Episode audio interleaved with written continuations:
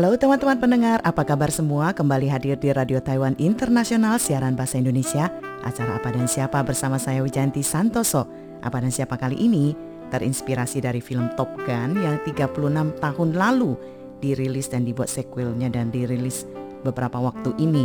Mengesankan ya sebuah film telah melalui masa 36 tahun dan apa kabar bintang-bintang yang bermain di dalamnya? Tentu saja peran utama yang dimainkan dengan sangat baik oleh Tom Cruise memancing banyak sekali tanggapan.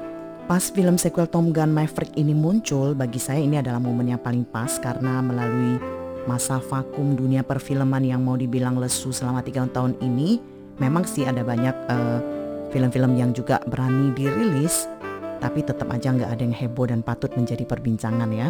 Tapi tidak demikian dengan Tom Cruise atau tepatnya film-film Tom Cruise aktor yang tahun ini berusia 59 tahun ini teman-teman istilahnya udah jauh dari anak muda atau bahkan lebih dari separuh baya. Sebuah film berjarak 36 tahun ini juga ada muncul bisa dibilang sering-sering dan trademarknya ini ada pada film Mission Impossible yang dengan jeli.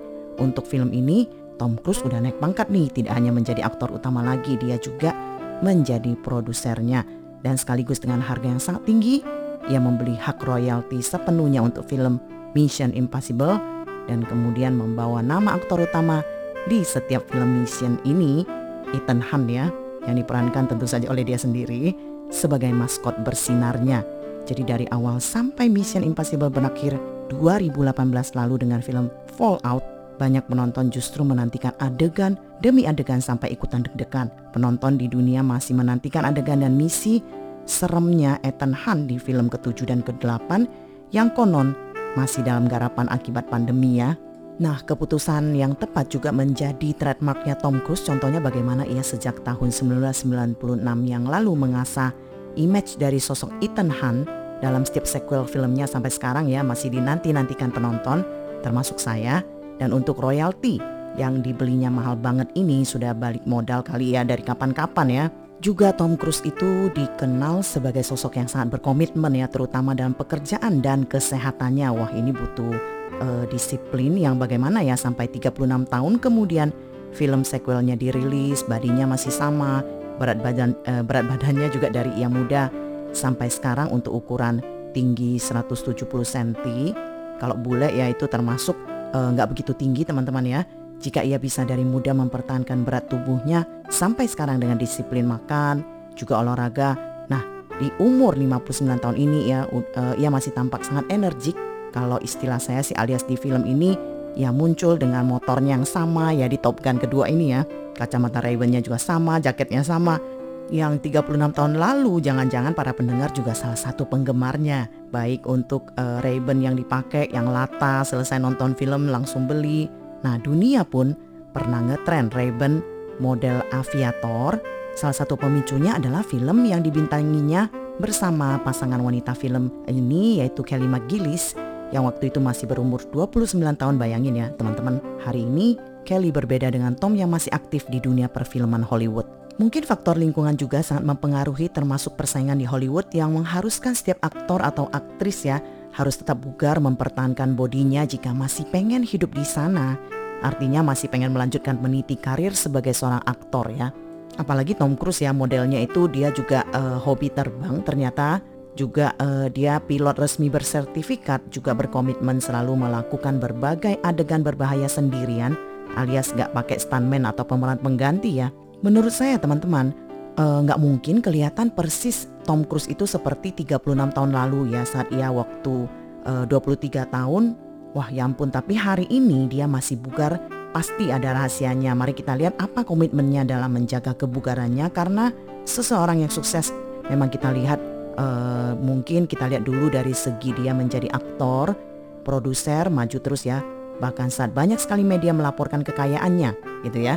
Namun dari sisi uh, apa yang kita kagumi dari dia bisa juga karena jika tidak berkomitmen dan tidak disiplin dalam kesehatan, dia pun tidak akan bisa menikmati kejayaannya hari ini, benar kan? Ada yang bisa kita contoh misalnya pertama ya Tom Cruise itu makannya sering tapi porsinya sedikit. Artinya nggak sampai kenyang sekali. Jadi contoh teman-teman pendengar saat syuting orang-orang makannya makan pagi, siang dan malam. Nah dia bisa makan sampai 15 kali sehari tapi porsinya dong nggak banyak, bisa aja cuman uh, kacang-kacangan, campur-campur, bisa juga uh, mungkin blueberry yang beku, atau yang penting lah setiap hari kalorinya dia hitung tidak melebihi uh, 1200 kilokalori. Ini adalah cara Tom mengkonsumsi makanan sehari-harinya. Namanya juga seleb ya, mereka makannya memang uh, selalu kita rasakan berasa makanan mereka itu nggak enak. Sama seperti mungkin David Beckham yang juga suka diet kalori seperti ini ya. Lebih suka makanan yang dikukus misalnya, bukan yang digoreng panas-panas dengan minyak seperti kita ya. Dan kalau bisa, mereka selalu meminimalkan karbohidrat. Jadi kita juga bisa mungkin meminimalkannya di menu kita sehari-hari misalnya. Yang kedua yang paling penting bagi Tom Cruise adalah di bagian makanan juga yaitu dia sama sekali tidak menyentuh makanan manis atau minuman manis. Ini rasanya tidak ada seorang pun yang bisa berkomitmen 100% ya. Masalahnya hmm, jika semua kue es krim bisa dihindari, tapi ingat semua makanan atau apa pun yang telah dimasak menjadi sayur atau makanan kadang-kadang uh, kita tidak bisa menghindari gula yang ada dalam makanan ini. Contohnya hmm, adalah misalnya kita makan salad deh ya. Memang kelihatannya sehat karena banyak sayur atau buah, tapi mayonesnya gulanya banyak, garamnya juga nggak sedikit ya. Nah inilah sebabnya yang penting kita sudah tidak uh, makan makanan enak yang jelas-jelas manis dulu deh. Yang lainnya yang tidak kelihatan seperti Tom Cruise, ia mungkin melatih dan memperhatikan semua makanan yang tiap kali ia makan. Dan satu lagi, tentu saja dia bisa melakukannya dengan lebih baik karena di tengah kesibukannya dia juga memiliki mungkin juru masak, ahli gizi yang siap mendampinginya. Namun bagi kita yang tidak, kita juga jangan beralasan dong ya. Apalagi filosofi yang bisa kita tiru dari seorang seleb dunia seperti dia, teman-teman. Olahraga. Selagi sambil melihat IG-nya Tom Cruise ya, enak ya sekarang ya kita bisa uh, tahu kalau aktor ini sedang ngapain. Nah, Tom Cruise ini selain uh, latihan beban terus-menerus, dia juga aerobik loh. Jadi di IG-nya sendiri dia juga berbagi sedikit cerita mengenai dirinya bahwa sejak dia masuk ke dunia film di tahun 1981, dia itu tidak pernah berhenti berlari di filmnya. Banyak sekali netizen yang uh, mengidolakannya, teman-teman mereka malah menghitung ya. Dari 52 film yang pernah dia bintangi, di antaranya ada 44 film, selalu ada adegan di mana Tom Cruise itu sedang lari-lari. Dan model dia berlari memang gayanya paten banget.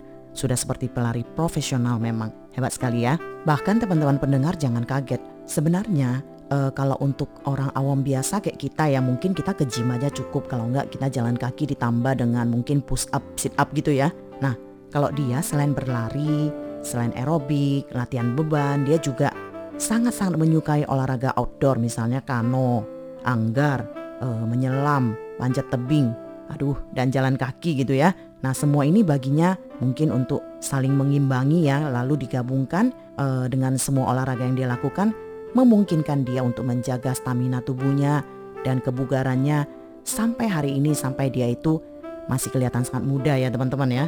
Satu hal lagi, Tom Cruise selalu menempatkan fansnya di urutan pertama dia merintis karier panjangnya selama 41 tahun misalnya.